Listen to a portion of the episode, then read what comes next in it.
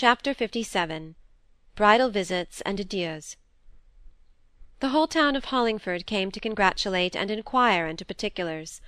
Some, indeed, Mrs. Goodenough at the head of this class of malcontents, thought that they were defrauded of their right to a fine show by Cynthia's being married in London.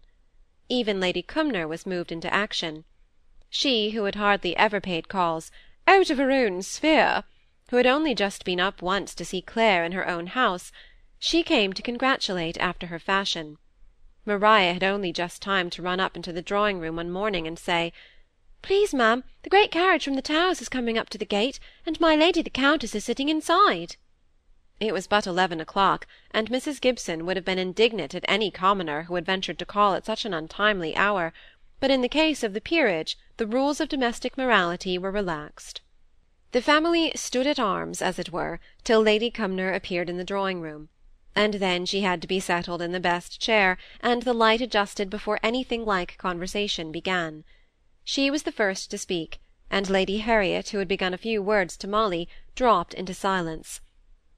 I have been taking Mary, Lady Cuxhaven, to the railway station on this new line between Birmingham and London, and I thought I would come on here and offer you my congratulations. Clare, which is the young lady? Putting up her glasses, and looking at Cynthia and Molly, who were dressed pretty much alike. I did not think it would be amiss to give you a little advice, my dear, said she, when Cynthia had been properly pointed out to her as bride-elect. I have heard a good deal about you and I am only too glad for your mother's sake. Your mother is a very worthy woman, and did her duty very well while she was in our family. I am truly rejoiced, I say, to hear that you are going to make so creditable a marriage.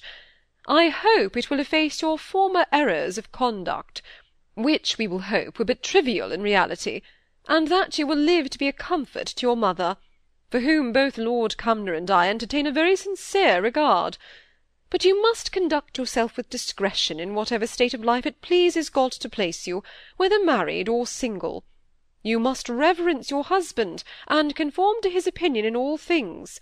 Look up to him as your head, and do nothing without consulting him. It was as well that Lord Cumnor was not amongst the audience, or he might have compared precept with practice. Keep strict accounts, and remember your station in life. I understand that Mr. looking about for some help as to the name she had forgotten.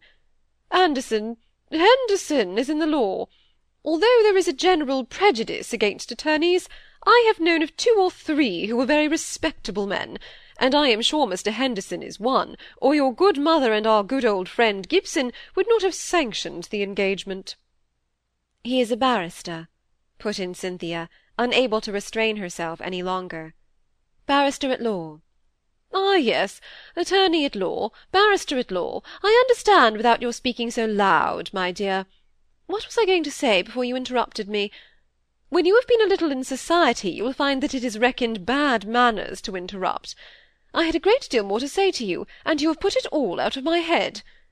There was something else your father wanted me to ask. What was it, Harriet?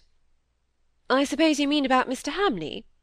Oh, yes, we are intending to have the house full of Lord Hollingford's friends next month, and Lord Cumnor is particularly anxious to secure Mr. Hamley. The squire? Asked Mrs. Gibson in some surprise. Lady Cumnor bowed slightly, as much as to say, If you did not interrupt me, I should explain. The famous traveller, the scientific Mr. Hamley, I mean. I imagine he is son to the squire. Lord Hollingford knows him well, but when we asked him before, he declined coming, and assigned no reason. Had Roger indeed been asked to the Towers and declined? Mrs. Gibson could not understand it. Lady Cumnor went on. Now this time we are particularly anxious to secure him, and my son, Lord Hollingford, will not return to England till the very week before the Duke of Atherstone is coming to us. I believe Mr. Gibson is very intimate with Mr. Hamley. Do you think you could induce him to favour us with his company? And this from the proud Lady Cumnor, and the object of it Roger Hamley, whom she had all but turned out of her drawing-room two years ago for calling at an untimely hour, and whom Cynthia had turned out of her heart.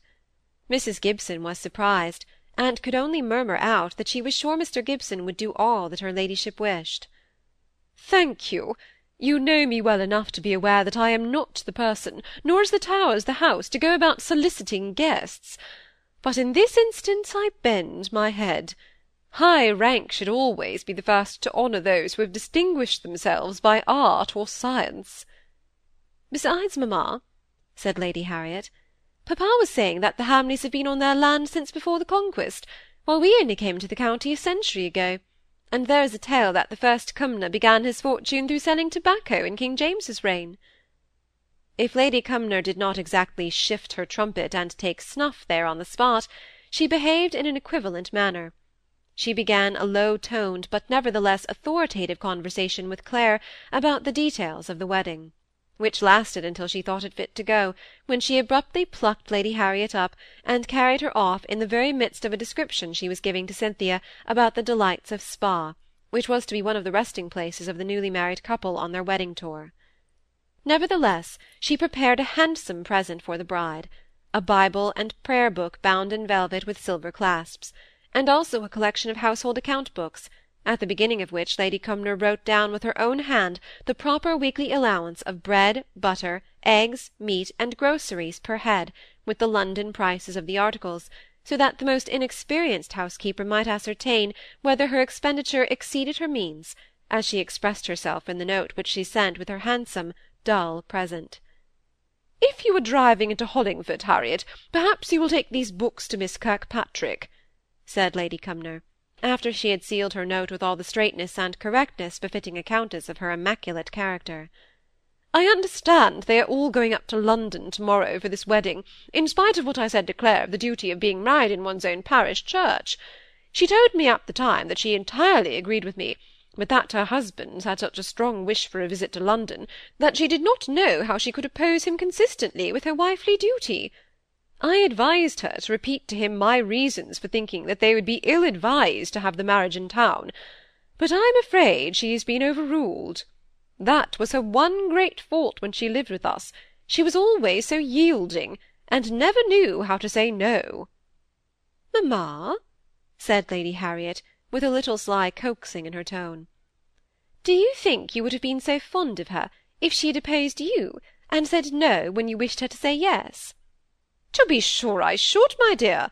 I like everybody to have an opinion of their own, only when my opinions are based on thought and experience, which few people have had equal opportunities of acquiring, I think it is but proper deference in others to allow themselves to be convinced.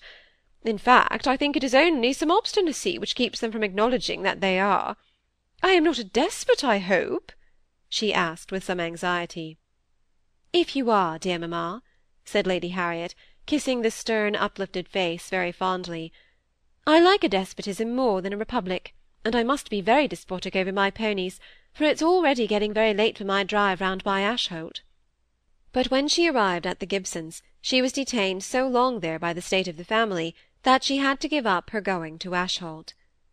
Molly was sitting in the drawing-room pale and trembling, and keeping herself quiet only by a strong effort. She was the only person there when Lady Harriet entered, the room was all in disorder, strewed with presents and paper and pasteboard boxes, and half-displayed articles of finery. "You look like Marius sitting among the ruins of Carthage, my dear. What's the matter? Why have you got on that woebegone face? This marriage isn't broken off, is it? Though nothing would surprise me where the beautiful Cynthia is concerned." "Oh no, that's all right. But I have caught a fresh cold, and papa says he thinks I had better not go to the wedding. Poor little one! And it's the first visit to London, too." "Yes, but what I most care for is the not being with Cynthia to the last. And then papa—" She stopped, for she could hardly go on without open crying, and she did not want to do that. Then she cleared her voice. "Papa," she continued, "has so looked forward to this holiday and seeing and and going—oh, I can't tell you where but he has quite a list of people and sights to be seen, and now he says he should not be comfortable to leave me all alone for more than three days, two for travelling and one for the wedding." Just then Mrs. Gibson came in, ruffled too after her fashion, though the presence of Lady Harriet was wonderfully smoothing. "My dear Lady Harriet, how kind of you! Ah, yes, I see this poor unfortunate child has been telling you of her ill luck, just when everything was going on so beautifully. I'm sure it was that open window at your back, Molly. You know you would persist that it could do you no harm, and now you see the mischief. I'm sure I shan't be able to enjoy myself, and at my only child's wedding too, without you, for I can't think of leaving you without Maria. I would rather sacrifice anything myself than think of you uncared for and dismal at home. I am sure Molly is as sorry as any one, said Lady Harriet. No, I don't think she is, said Mrs. Gibson, with happy disregard of the chronology of events. Or she would not have sat with her back to an open window the day before yesterday when I told her not. But it can't be helped now. Papa, too. But it is my duty to make the best of everything, and look at the cheerful side of life. I wish I could persuade her to do the same," turning and addressing Lady Harriet. "But you see, it is a great mortification to a girl of her age to lose her first visit to London." "It is not that," began Molly, but Lady Harriet made her a little sign to be silent while she herself spoke. "Now, Clare, you and I can manage it all, I think, if you will but help me in a plan I've got in my head. Mr. Gibson shall stay as long as ever he can in London, and Molly shall be well cared for, and have some change of air and scene too, which is really what she needs as much as anything, in my poor opinion. I can't spirit her to the wedding and give her a sight of London, but I can carry her off to the Towers, and nurse her myself, and send daily bulletins up to London, so that Mr. Gibson may feel quite at ease, and stay with you as long as you like. What do you say to it, Clare? Oh, I could not go, said Molly. I should only be a trouble to everybody. Nobody asked you for your opinion, little one. If we wise elders decide that you are to go, you must submit in silence.